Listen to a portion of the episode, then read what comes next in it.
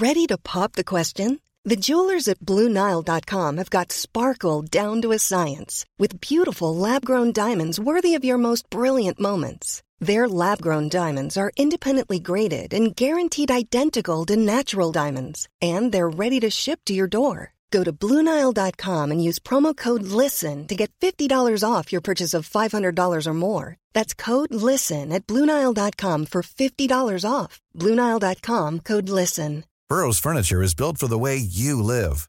From ensuring easy assembly and disassembly to honoring highly requested new colors for their award winning seating, they always have their customers in mind. Their modular seating is made out of durable materials to last and grow with you. And with Burrow, you always get fast, free shipping. Get up to 60% off during Burrow's Memorial Day sale at burrow.com slash ACAST. That's burrow.com slash ACAST. burrow.com slash ACAST. I'm Sandra, and I'm just the professional your small business was looking for. But you didn't hire me because you didn't use LinkedIn jobs. LinkedIn has professionals you can't find anywhere else, including those who aren't actively looking for a new job but might be open to the perfect role, like me. In a given month, over 70% of LinkedIn users don't visit other leading job sites. So if you're not looking on LinkedIn, you'll miss out on great candidates like Sandra. Start hiring professionals like a professional. Post your free job on linkedin.com/people today. Palmemordet, Hans Holmér, del 25. Sveriges statsminister Olof Palme är död. 90 000. Ja, det är mord på Sveavägen. Hörde de säger att det är Palme som är skjuten. Mordvapnet med säkerhet är en Smith Wesson, en revolver kaliber .357. Inte ett svar. Finns inte ett svar. För jag har Polisen söker en man i 35 till 40-årsåldern med mörkt hår och lång mörk rock. Välkommen till podden Palmemordet som idag görs av mig, Dan Hörning. Det här avsnittet är researchat av mig själv, Cornelia Boberg och David Oskarsson. Om du tycker att den här podden är bra får du gärna vara med och sponsra den på Patreon, patreon.com, sök på Palmemordet.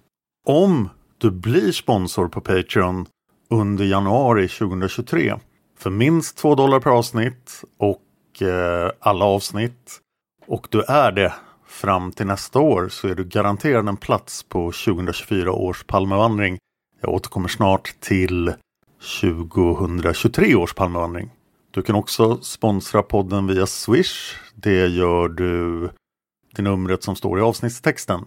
Och ja, det blir alltså en Palmevandring 2023. Den är först och främst för de som varit sponsorer på Patreon sedan oktober 2021.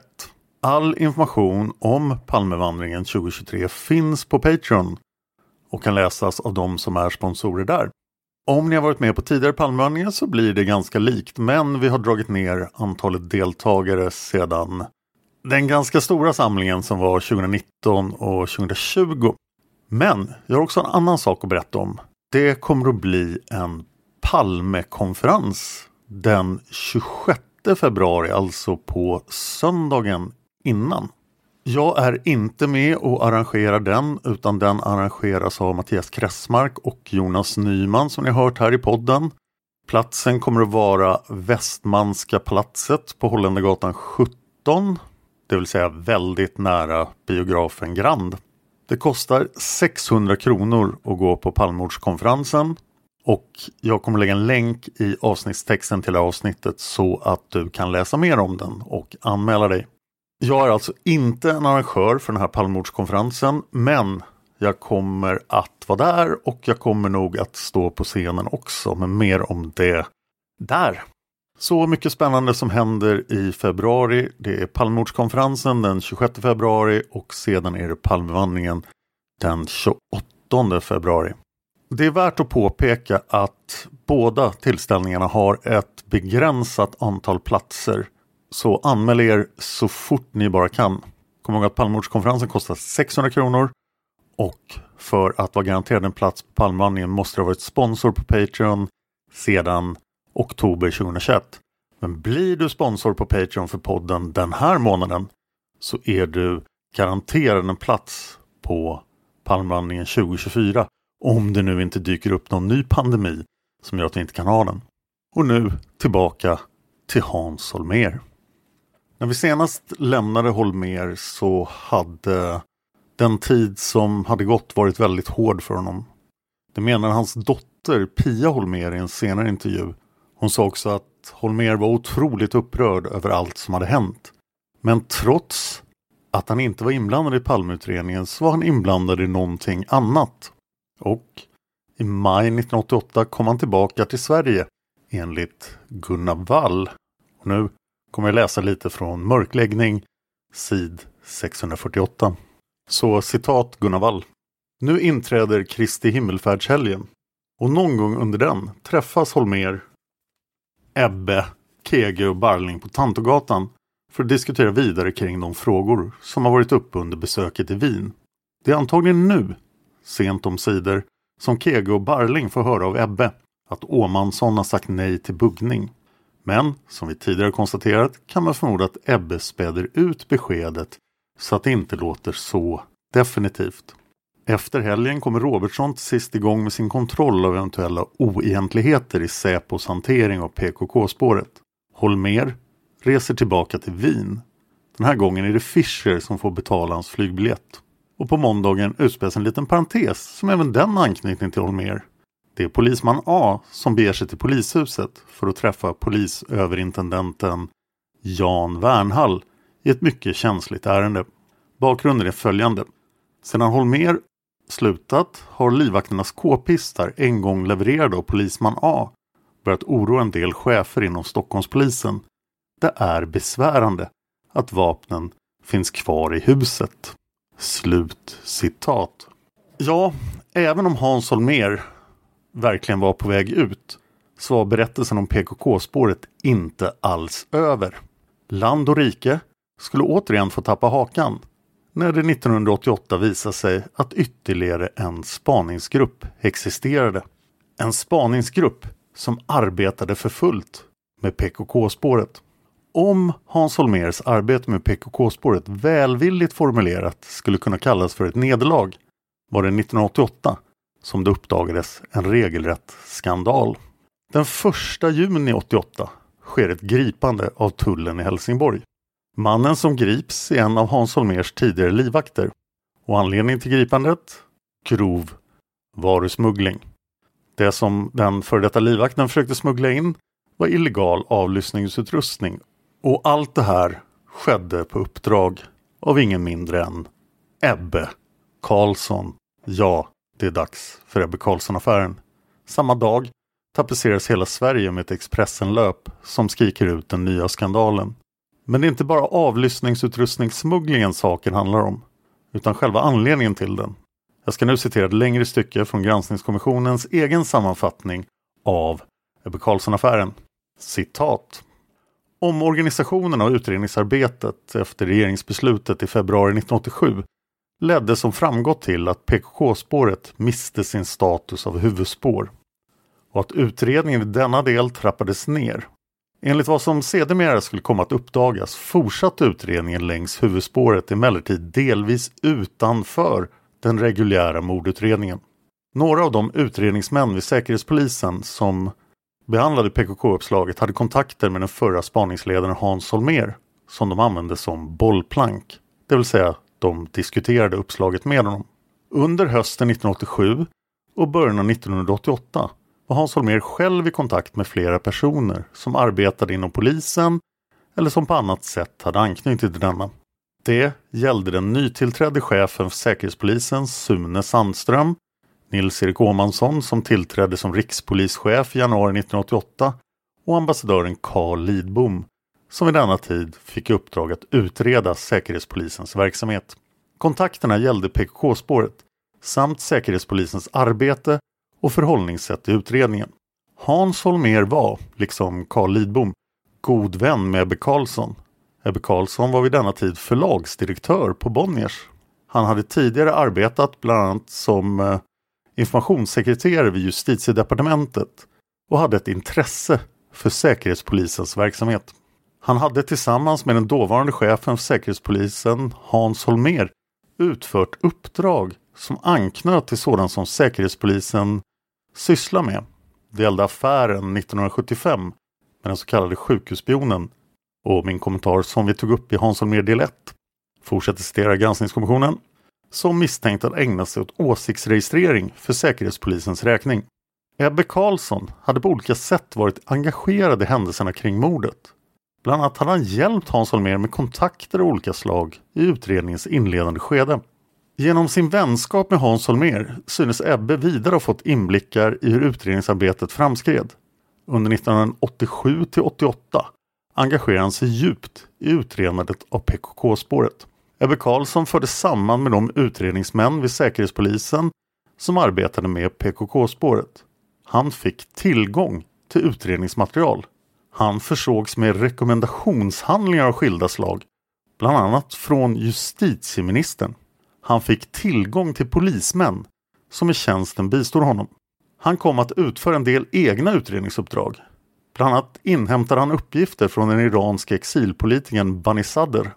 Under våren 1988 förberedde Ebbe Carlsson och kretsen kring honom en egen utredningsorganisation. Lokaler anskaffades, privat finansiering ordnades med mera. Slut citat.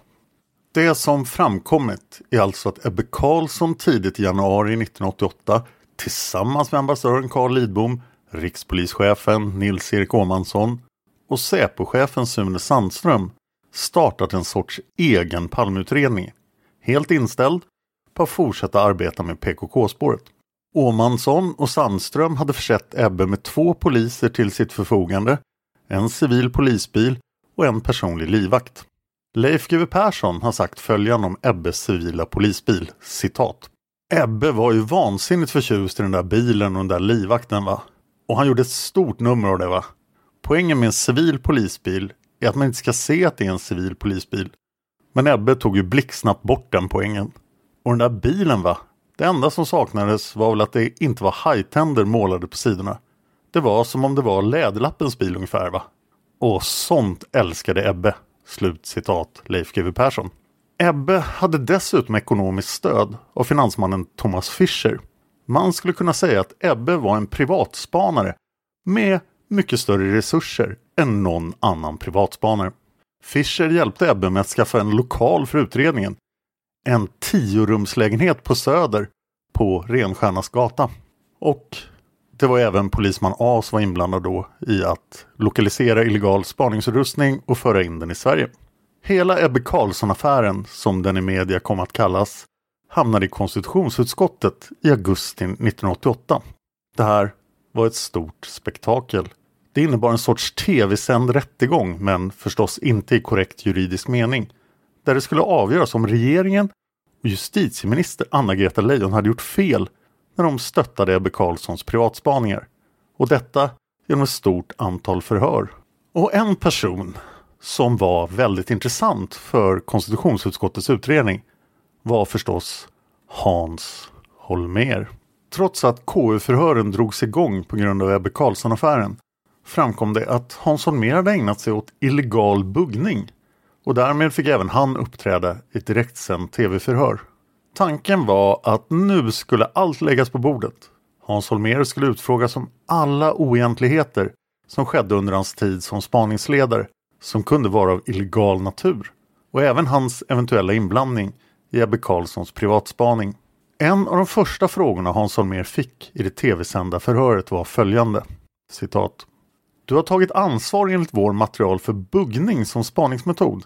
Att det användes 1986-87 var det här ett ställningstagande du tog helt själv?” Slutcitat. Hans Holmers svar blev väldigt långt och väldigt korrekt och där i finns även hans personliga tilltänkta förklaring till varför han kunde fatta beslut om illegal buggning. Citat Hans Holmer. Ja, jag är rädd att mitt svar blir lite långt, men jag tror att det är nödvändigt att utveckla den här frågan. Det är så att avlyssning är förbjuden i brottsbalken sedan den 1 juli 1975. I den allmänna debatten så har det under senare tid ofta sagts att den här typen av buggning, för den är medborgarna skyddad enligt grundlagen. Och därmed har man velat höja så att säga skyddsnivån till grundlagen för att peka på att det här med olovlig avlyssning är någonting exceptionellt. Då ska man komma ihåg att enligt andra kapitlet, sjätte paragrafen i regeringsformen så är medborgare skyddade mot kroppsvisitation, husransakan och hemlig avlyssning. Alla vet att husransakan och kroppsvisitation kan förekomma enligt brottsbalken. Och då frågar man sig, hur hänger det här ihop med regeringsformen? Ja, det är helt enkelt så att lite längre fram i det här kapitlet i regeringsformen, tolfte paragrafen noga räknat, så medges det alltså undantag för det här skyddet om undantagen stiftas vid lag. Och där var alltså förankringen när det gäller rättegångsbalken.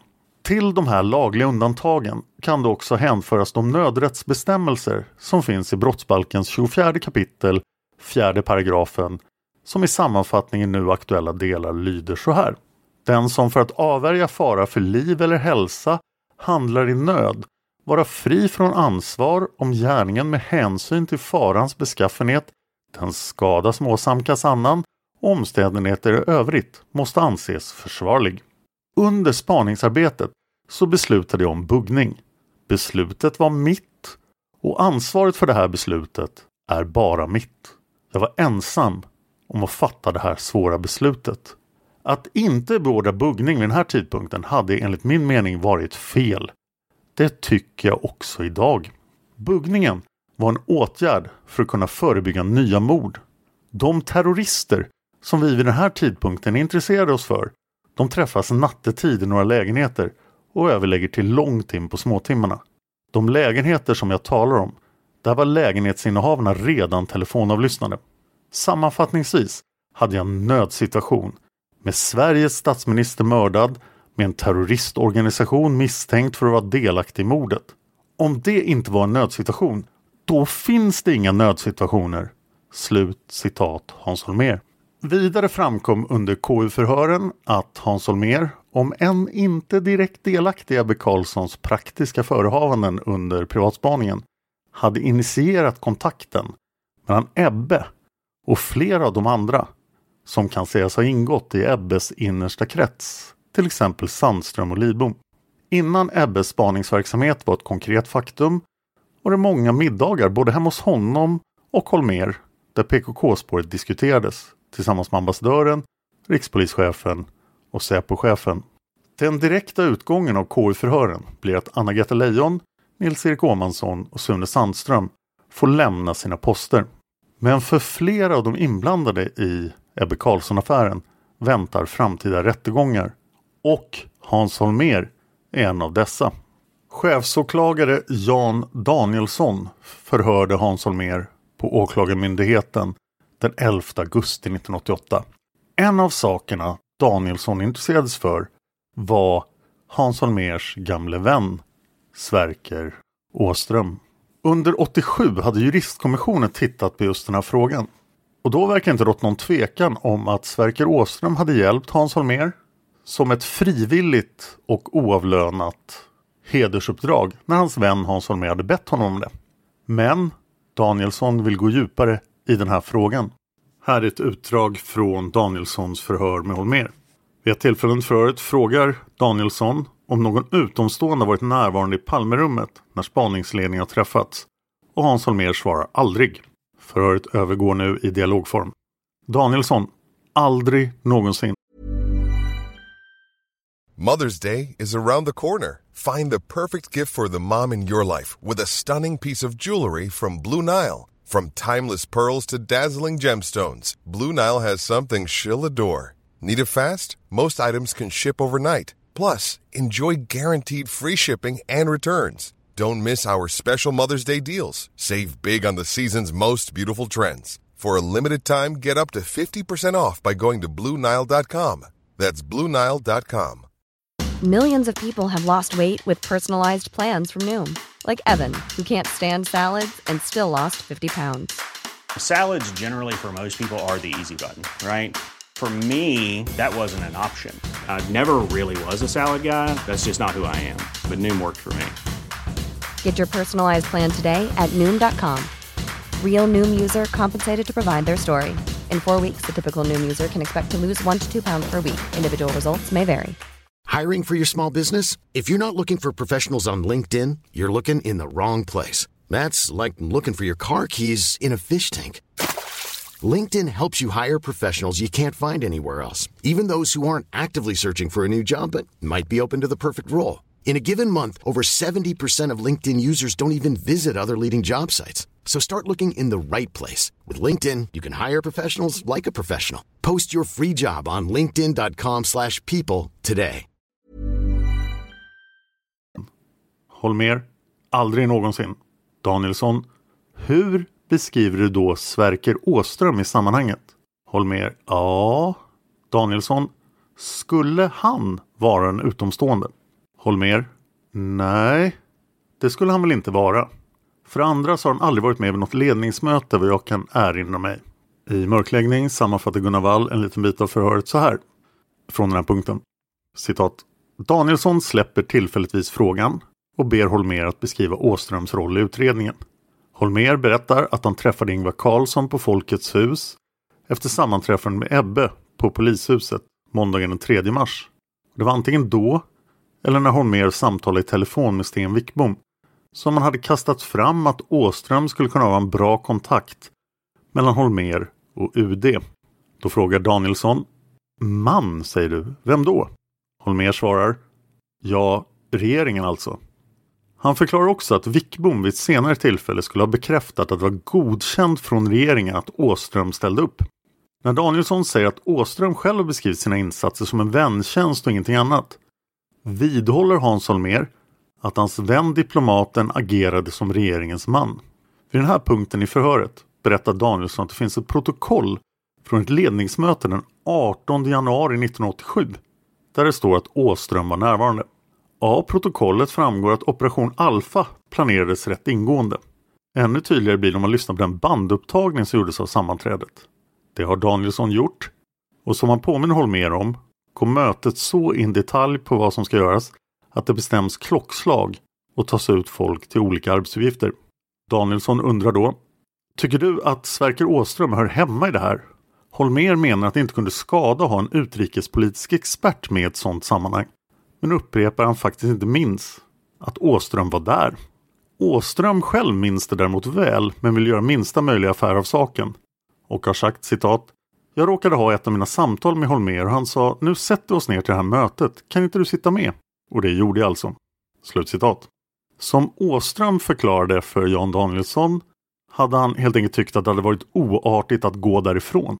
Det finns inget som tyder på att diplomaten Sverker Åström berikade genomgången med några tyngre inlägg.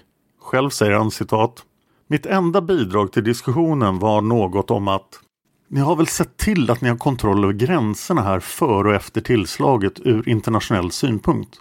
Och då blev jag lite utskrattad och de sa Ja, vad tror du vi tänker på? Slutcitat. Gunnar Wall säger i mörkläggning Det kan ju låta oförargligt men spaningsledningen höll faktiskt sitt strategiska möte utan att någon åklagare var närvarande. Och då blir det än mer anmärkningsvärt att en politisk expert, informellt utsedd av kanslihuset, satt med. Det var som att han genom sin närvaro skulle visa att statsministern höll sin välsignade hand över verksamheten. Gunnar Wall fortsätter. På ett sätt kan det synas överraskande att Rosenbad lät just Sverker Åström få den exklusiva positionen som handledare och allmän fixare åt Hans Holmér.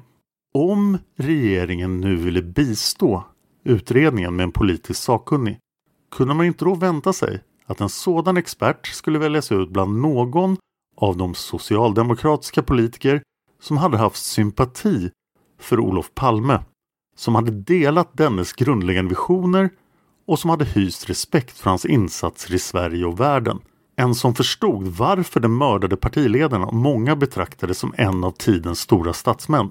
Det behövde ju inte vara någon som höjde Olof Palme till skyarna. Men därifrån är det rätt långt till Åström som såg med närmast fientliga ögon på Palmes politiska gärning. Vi kan påminna oss hans hetska karaktäriseringar i memoarboken Ögonblick. I boken anklagar Åström Palme för extrema vänsterställningstaganden medan han själv underförstått stod för nykter och balanserad syn på statskonsten. Men Den som har följt den pensionerade Åströms egna inlägg i massmedia de senaste åren har inte kunnat undgå att märka att han tillåter sig att visa egna värderingar som ligger utanför den breda strömfåran i den svenska politiska debatten. Gunnar Wall fortsätter. I ett inlägg i Dagens Nyheter 1990 förordade Åström att Sverige borde akta sig för att ta emot flyktingar som kommer från kulturer med så väsensfrämmande seder och bruk att de skulle ha svårt att anpassa sig i ett nordeuropeiskt land. När han i en intervju ombads att förklara sig exemplifierade han med att han visserligen inte ville nedvärdera en huvudjägares kultur men att en sådan människa skulle känna sig mindre hemma i Vetlanda eller Gällivare. Åströms kritiker den gången var inte sena att påpeka att samma argumentering användes i 30-talets Sverige av de som ville vägra judiska flyktingar asyl undan nazismen. Sommaren 1995 kom Åström igen i Dagens Nyheter och argumenterade för etnisk rensning i FN-regi som lösningen på konflikterna i det forna Jugoslavien. Han fördömde tanken på att människor med olika nationell bakgrund skulle kunna leva sida vid sida i exempelvis Sarajevo och menar att en stabil fred bara var möjlig efter stora folkomflyttningar under överinseende av internationella organ.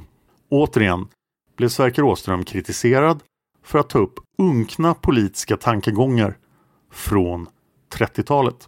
I svallvågen av den debatten avslöjade slutligen Aftonbladet att den gamle toppdiplomaten åren före andra världskriget faktiskt hade inlett sin politiska bana med ett medlemskap i Sveriges nationella förbund, en av dåtidens viktigaste nazistanstuckna organisationer.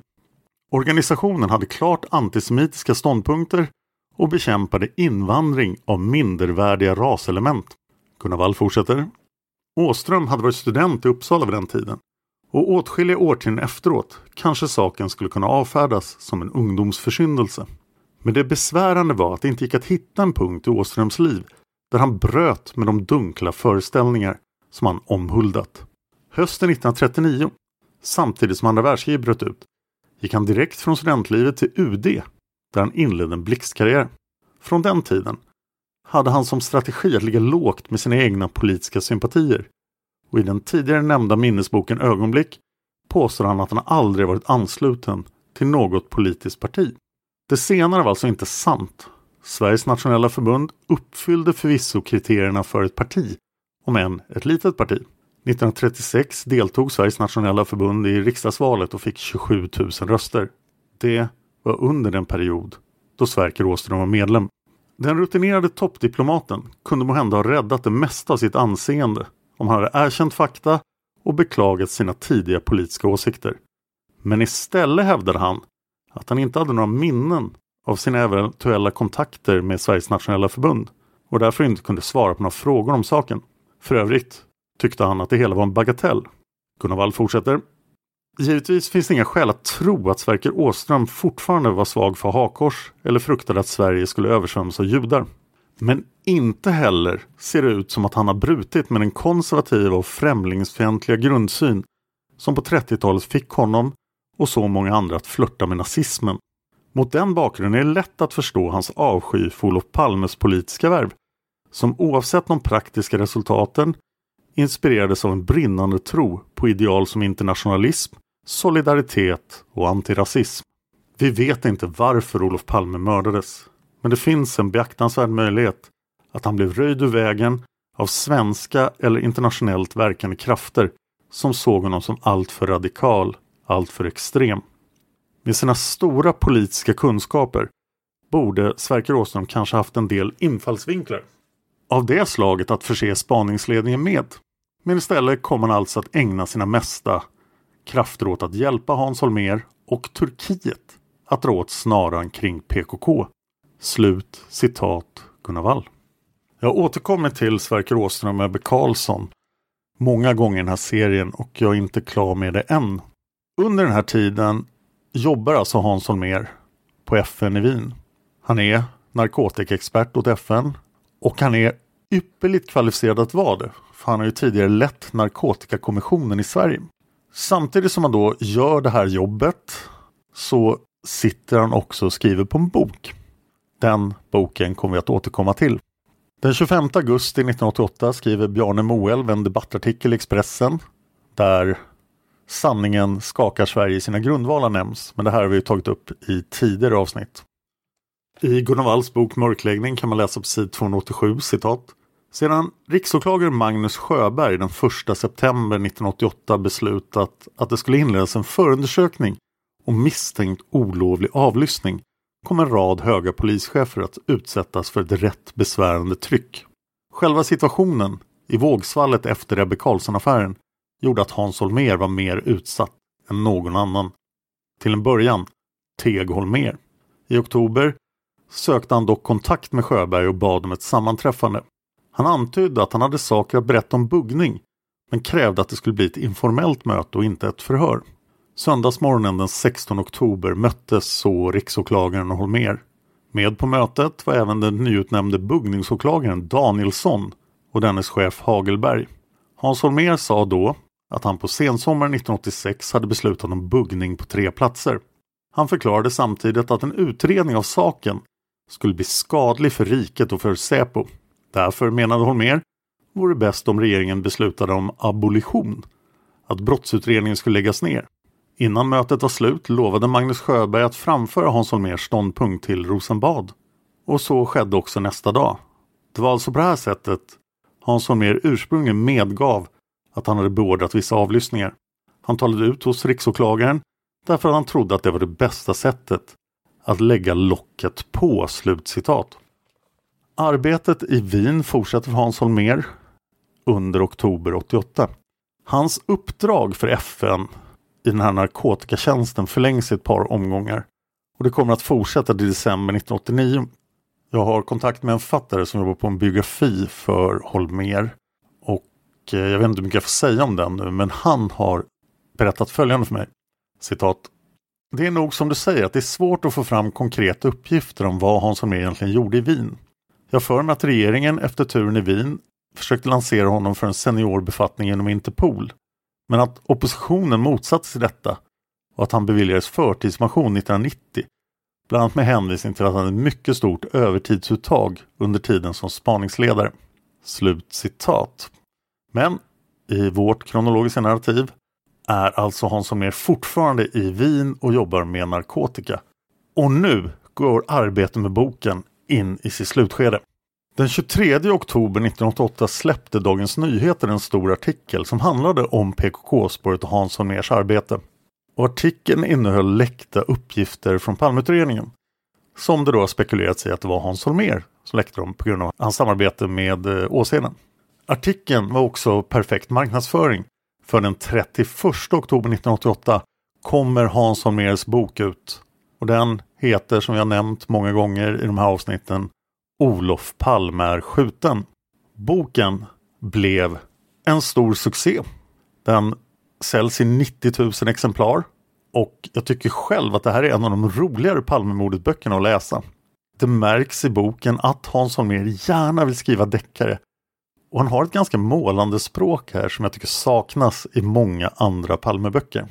Det här kommer sedermera leda till att Hans Holmér faktiskt börjar skriva deckare men det kommer jag prata om i senare avsnitt. Gunnar Wall har åsikter om boken Olof Palme skjuten och skriver på mörkläggning sid 899 citat. När Holmer hösten 88 kommer ut med Olof Palme skjuten satsar han förstås helhjärtat på attentatsgruppen men har finslipat resonemangen kring den. Det behöver inte alls vara nedlusat med mördare som står och väntar på Palme vart han än vänder sig. I själva verket lanserar nu Holmer ett konspirationsscenario som har viktiga inslag gemensamma med åklagarnas grannman. Mördaren står vid bion och väntar på att filmen ska ta slut och följer sedan efter när makarna Palme går därifrån. Holmer betonar att de sammansvurna förberett mordet genom att studera det tilltänkta offret under en tid. Under torsdagen är Palme ute och köper kläder runt Hötorget centrala Stockholm bevakas av en man i mördarligan. Skuggan. Den upptäcker att statsministern inte har några livvakter med sig. Mördarna beslutar i det läget att satsa på att makarna Palme ska vilja göra något trevligt tillsammans under fredagskvällen och bege sig ut på stan utan någon skyddseskort. Planen är att Palme i så fall ska skjutas utomhus på en plats där revolvermannen lätt kan plockas upp i en flyktbil. Flera personer börjar nu i skift att övervaka såväl statsministern själv som dennes bostad. När makarna Palme i början av fredagskvällen kliver ut på Västerlånggatan har de en dold förföljare hack i häl. Så fort de har gått in på Grand kontaktar de andra med budskapet att det nu är dags att gå till aktion. Slutcitat. Even when we're on a budget we still deserve nice things. Quince is a place to scoop up stunning high-end goods for 50 to 80% less than similar brands. They have buttery soft cashmere sweaters starting at $50, luxurious Italian leather bags, and so much more. Plus, Quince only works with factories that use safe, ethical, and responsible manufacturing. Get the high-end goods you'll love without the high price tag with Quince. Go to quince.com/style for free shipping and 365-day returns. Flexibility is great. That's why there's yoga. Flexibility for your insurance coverage is great too. That's why there's United Healthcare Insurance Plans. Underwritten by Golden Rule Insurance Company, United Healthcare Insurance Plans offer flexible, budget friendly coverage for medical, vision, dental, and more. One of these plans may be right for you if you're, say, between jobs, coming off your parents' plan, turning a side hustle into a full hustle, or even missed open enrollment. Want more flexibility? Find out more about United Healthcare Insurance Plans at uh1.com. Planning for your next trip? Elevate your travel style with Quince. Quince has all the jet setting essentials you'll want for your next getaway, like European linen, premium luggage options, buttery soft Italian leather bags, and so much more. And is all priced at 50 to 80% less than similar brands. Plus, Quince only works with factories that use safe and ethical manufacturing practices. Pack your bags with high-quality essentials you'll be wearing for vacations to come with Quince. Go to quince.com/pack for free shipping and 365-day returns. Lite senare i mörkläggningstid 901 citat. Så långt Hans Holmers berättelse. Den är alldeles tydligt upplagd för att passa in på PKK. Det är inte precis någon högteknologisk attentatsgrupp som är i arbete. Ingen telefonavlyssning, ingen buggning. Och inte heller har brottslingen några kontakter inom ledande politiska eller polisiära kretsar i Sverige. När de vill kartlägga Palmes vanor är de helt enkelt hänvisade till att traska till fots efter honom. Mördaren förstår inte svenska men är istället väl förtrogen med kvarteret där det kurdiska bokcaféet ligger." Slutcitat. Justitiekansler Hans Stark driver en, en process här i oktober och november 88 angående att Hans Holmér har begått tryckfrihetsbrott genom att läckt uppgifter från utredningen. Det leder dock i slutet ingenstans och justitiekanslern tvingas ge upp. Det är mycket som händer i Hans liv här. Han blir så utredd för tryckfrihetsbrott, hans bok kommer ut och han väntar då på det här abolitionsbeslutet från regeringen. Men det uteblir. Buggningsutredningen bara fortsätter. Och jag vill nu citera Gunnar Wall igen från mörkläggningens tid 288. Citat. Till sist har Hans Holmér inte mycket mer att göra än att komma överens med Danielsson om en tid för att formellt höras om de avlyssningar han redan har berättat om. Han vägrar dock att passivt inrangera sig i rollen som misstänkt. Inför förhöret kontaktar han Sten Heckscher, Harald Fälts efterträdare som statssekreterare på justitiedepartementet och ber om ett sammanträffande. Heckscher tar inte mötet själv. Istället blir bestämt att Hans Holmér ska få träffa departementets expeditionschef KG Ekeberg och att de ska ses på Åklagarmyndigheten under en paus i Danielssons förhör. Enligt överenskommelse inställer sig Hans Holmér hos Danielsson den 2 november 1988. Förhöret inleds med att Hans Holmér underrättas om att han är skäligen misstänkt för olovlig avlyssning. Efter lite formaliteter får han sedan efter eget sinne, som Danielsson uttrycker det, berätta om buggningarna och bakgrunden till dem. Efter en halvtimme knackar Ekeberg på dörren.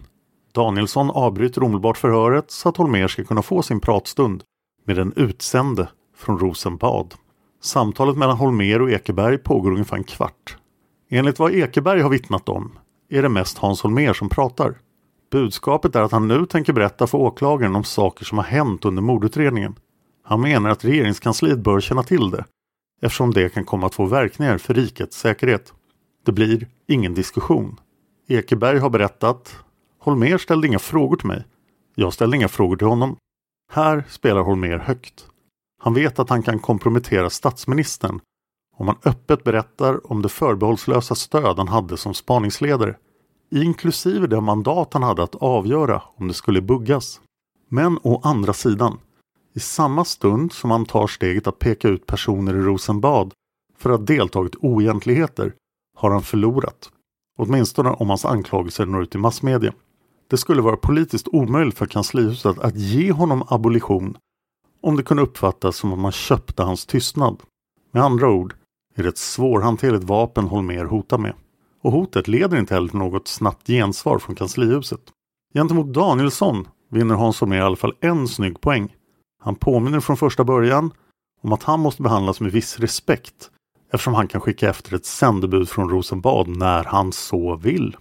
Och med tiden kommer det flera påminnelser till buggningsåklagaren. Holmers skrämskott har nämligen inte varit utan effekt i kanslihuset.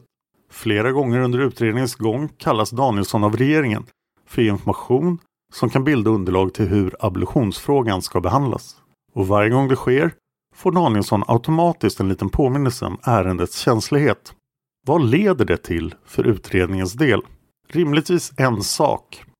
Så länge Rosenbad tvekar om ett slutgiltigt ställningstagande till abolition gör Danielsson saken lättare om man driver förundersökningen så att alla möjligheter hålls öppna. Slutcitat. Den här buggningsutredningen kommer att pågå ett tag, men vi kommer att återkomma till den. Palmeutredningen är förstås inte särskilt intresserad av PKK längre. Och tidigt på morgonen den 14 december 1988 hämtar två polismän Christer Pettersson till förhör från lägenheten i Rotebro norr om Stockholm. Christer Pettersson häktas två dagar senare. I det här avsnittet har jag återgett Ebbe Carlsson-affären i väldigt korta drag. Det här är ett av de mest komplicerade ämnen som finns inom Palmemordet. Och det kommer givetvis specifika Ebbe Carlsson-affären avsnitt senare i podden. Jag ska avsluta det här avsnittet med granskningskommissionens egen sammanfattning av Ebbe Carlsson-affären. Och det är inte milda ord som det rör sig om. Citat GRK. Ebbe Carlsson-affären innefattade ett antal lagbrott med inblandning av tjänstemän vid polisen. Affären innefattade även institutionella och konstitutionella aspekter. De enskilda lagbrotten, att en privatperson fick del av hemligt material, att polismän engagerades för smuggling av avlyssningsutrustning med mera, var naturligtvis allvarliga. Än allvarligare är dock att en informell utredning i statsmaktens hägn kunde utvecklas vid sidan av den rättsenliga och reguljära mordutredningen. Här var det inte bara fråga om att polismakten överskred sina befogenheter och bröt mot lagen, utan om att sätta hela det rättsliga kontrollsystemet ur spel." Slutcitat. Den 29 december 1988 blev Ebbe Carlsson trots allt, eller kanske på grund av det hela, utnämnd till Årets svensk. Något som Hans Holmér också hade blivit två år tidigare. Jan Stocklossa anmärker i sin Stig Larsson-bok att det var spiken i kistan för utmärkelsen Årets svensk. Då det knappt var några som ville bli Årets svensk efter Hans Holmér och Ebbe Karlsson. Jag finns på Twitter och Instagram. Jag heter Dan Hörning, så är lätt att hitta. Du kan också mejla till Palmordet på mejladressen simwaypodcast.gmail.com Simway med Z. Simwaypodcast.gmail.com Den mejladressen gäller alla mina poddar och det är min producent Eva Martinsson som svarar på mejlen där. Men hon skickar vidare det som är relevant till mig eller till Tobias. Om du gillar den här podden så har jag även tagit upp ett antal andra stora olösta fall i Sverige i min andra podd Olösta mord. Vi har gjort många små fall och, och, många amerikanska fall också men på den senaste tiden har vi fokuserat lite på nordiska fall som är olösta i många avsnitt. Vi har gjort över 37 avsnitt om fallet Sven Sjögren på Gotland som jag nämnt tidigare här. Vi har också tagit upp vad som en gång i tiden var Sveriges största olösta fall, Viola Widegrens försvinnande. Vi har gjort 16 avsnitt om Viola Widegren i Olösta mord. Just nu när det här avsnittet kommer ut håller vi på att göra Marianne och Therese i minst 11 delar. Det här handlar om två barn i Norge som försvann spårlöst. Där utredningen då delvis förstördes av Thomas Quick. Så om ni vill höra mera olösta fall och fundera över fler mysterier så lyssna på Olösta mord. Du hittar podden Olösta mord där du hittar Palmemordet. Om du är aktiv på Facebook, till skillnad från mig och podden Palmemordet, så rekommenderar jag Facebookgruppen FUP och övriga handlingar. Det är de som arbetar med att få ut handlingarna från Palmeutredningen. Och de ligger även bakom palmemordsarkivet.se och Palmemordet-konferensen den 26 februari 2023 som jag hoppas att jag träffar dig på. Det finns en länk till Palmemordskonferensen i avsnittstexten till det här avsnittet. Jag och Tobias har tyvärr inte tid att svara på direkta frågor gällande själva fallet. Då skulle vi inte göra mycket annat. Vi kan inte prata Palmemordsdetaljer i privata meddelanden. Men om du vill diskutera detaljer i fallet Palmemordet med likasinnade så rekommenderar vi Studio Palmemordet på Facebook. Jag vill ha iTunes-recensioner. Om du lyssnar på den här podden på ett Apple-device så får du gärna lämna en iTunes-recension. Och vi kommer efterhand att läsa upp alla iTunes-recensioner som vi nu har gjort i många år här i podden. Om du tycker jag är för hård mot Hans Holmér i de här avsnitten så ha förtröstan för att vi kommer att ta upp Hans Holmér ur ett hjälteperspektiv när vi senare gör PKK-spåret. Tack till alla som har bidragit till den här podden på Patreon. Jag ska också nämna att boken Palmemordet är på gång. Den kommer alltså den 28 februari 2026 men arbetet är i full gång. Tack till Juan Esposito då, som skriver boken tillsammans med mig. Och tack till Gunnar Wall. Tack till Lukas för musiken. Tack till expertgruppen, vår jurist och researchassistenter. Tack till Cornelia och David. Tack till Tobias. Och tack till dig för att du lyssnar på Palmemordet. Man hittar Palmes mördare om man följer PKK-spåret till botten. För att ända sedan Julius Caesars tid har det aldrig hört talas om ett mord på en framstående politiker som inte haft politiska skäl. Polisens och åklagarens teori var att han ensam hade skjutit Olof Palme. Och det ledde också till rättegång men han frikändes i hovrätten.